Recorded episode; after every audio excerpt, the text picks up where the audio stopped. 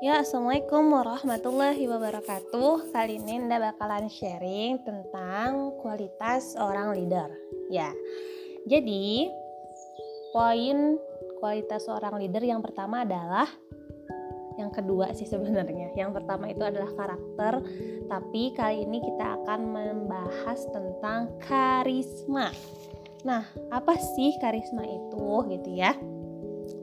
Sebelum membahas tentang karisma, Anda bakalan cerita dulu tentang dua orang pemimpin di Inggris. Orang-orang bilang mereka itu adalah orang yang paling pandai. Yang pertama namanya Pak Gladstone.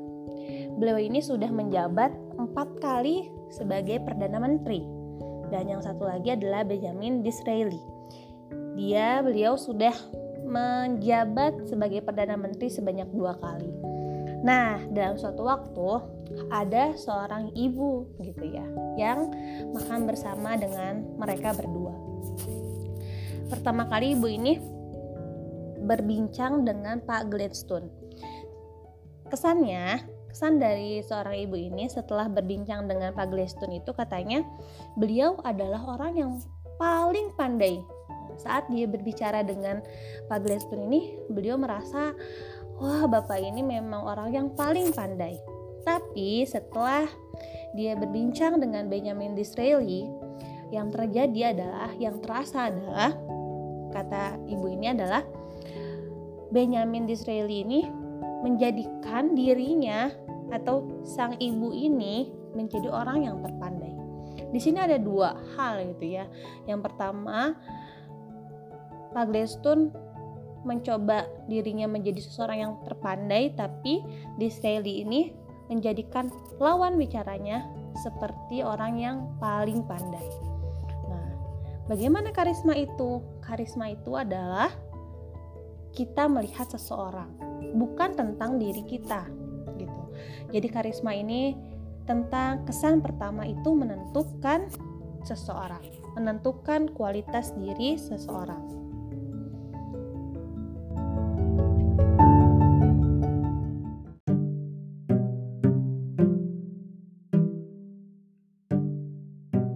Karisma itu tentang kita melihat seseorang.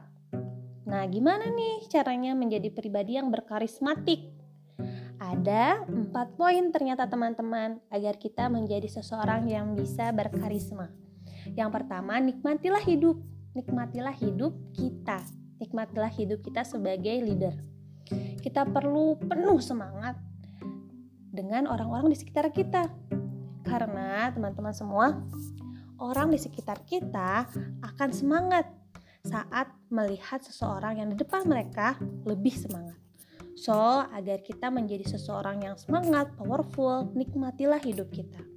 Yang kedua, lihatlah seseorang dengan kualitas terbaiknya. Lihat kebaikan dari lawan bicara kita, dari partner bicara kita. Lihatlah kebaikan mereka, cari hal terbaik dari mereka ada cerita dari Jonas Wissel.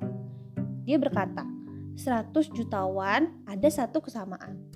100 jutawan ini memperlihatkan sisi baik dari orang-orang di sekitarnya. Gitu teman-teman. Jadi lihatlah kualitas terbaik dari partner kita. Dan yang ketiga adalah berikan pengharapan, menjadikan orang-orang di sekitarnya, di sekitar kita menjadi lebih bersyukur. Berilah harapan, mereka masih punya harapan. Terjatuh, gagal, berilah harapannya. Harapan gagal itu bukan adalah bukan akhir, tapi gagal adalah salah satu proses kita untuk lebih banyak belajar lagi, lebih banyak belajar lagi gitu. Gagal ini bukan akhir dari segalanya. Berilah pengharapan kepada orang-orang di sekitar kita. Dan yang keempat adalah berbagilah. Berbagilah yang kita miliki apa berbagi itu? Bisa berbagi perjalanan hidup kita, berbagilah tentang ilmu yang kita miliki, berbagilah. Ya, kuatkan empat poin ini. Nikmatilah hidupmu, lihatlah kebaikan seseorang, berilah pengharapan, dan berbagilah. Setelah ini kita akan membahas juga tentang lima hal yang bisa menghalangi sifat karisma kita.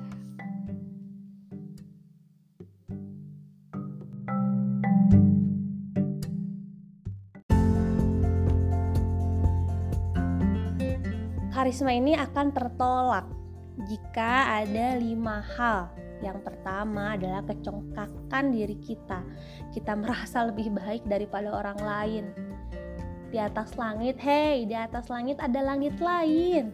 Jadi gak usahlah terlalu congkak gitu ya, terlalu merasa diri yang terbaik. Ya. Yang kedua adalah rasa terancam mengecilkan diri saat kita merasa ya diri kita lebih buruk atau mereka lebih, mungkin tidak kita tidak merasa diri kita lebih buruk tapi kita memiliki rasa orang lain lebih baik daripada kita sehingga kita mengecilkan diri kita. Kalau yang tadi itu mm, PD-nya over confident gitu ya sehingga merasa orang lain itu lebih kecil dari mereka kalau yang kedua ini dia merasa terancam dirinya lebih kecil daripada yang lain. Ya, kita butuh memiliki sifat rendah hati gitu ya, tapi kita pun butuh memiliki self esteem atau menghargai diri kita dengan baik. Yang ketiga, mudah berubah-ubah gitu. Mudah berubah-ubah. Saat kita melakukan membuat suatu membuat suatu peraturan, mudah diubah-ubahnya So teman-teman semua, saat kita punya satu peraturan, kukuhlah, teguhlah dalam peraturan itu. Yang keempat, perfeksionis yang tidak real. Ya, pasti kita punya hal-hal yang memang ya orang lain di sekitar sana kita ingin sempurna, tapi saat hasilnya belum sempurna, terimalah hal itu gitu. Jangan menjadi seseorang yang perfeksionis, tapi tidak dibarengi dengan usaha. Setiap kesempurnaan itu kita butuh kita butuh mempelajarinya.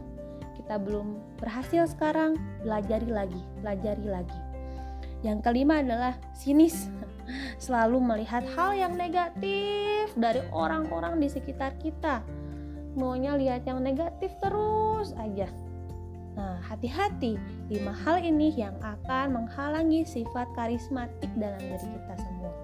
So, teman-teman semua, yang namanya karisma ini tentang fokus kita kepada orang lain. Dilatihlah, carilah kebaikan dari diri mereka. Carilah kebaikan dari orang-orang di sekitar kita. Berilah pengharapan dan buatlah mereka bersyukur.